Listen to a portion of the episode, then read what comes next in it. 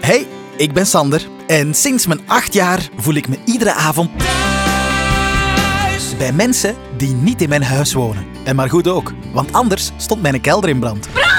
Er is brand in onze kelder. En van de kelder gesproken, mijn eerste crush, die had ik op mijn tiende. Ach, Sophie, kanale, kom hier. Ongeveer twee jaar later werd mijn hart dan weer verkrust. Ons moe. Ons moe? Wat is er met ons moe? Die is gestorven. Het kan zelfs nog een pak ergeren, want op mijn negentiende is mijn stamcafé afgebrand. Brand! Brand boven in de kamer. Gelukkig ben ik niet beginnen vloeken, Dat verdomme! want dat heb ik ook heel subtiel meegekregen. Peggy, dat is een aanhoudster. Dat is een vuiloer. En zegt het van je vreemdeling, dat verdomme! Nu, op mijn 29ste, ben ik een echte VRT. Ik werk bij de radio en tv en daardoor kan ik het hen eindelijk vragen. Schaapgenig.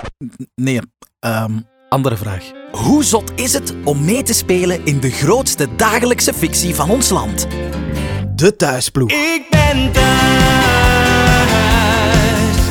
waar iedereen je kent en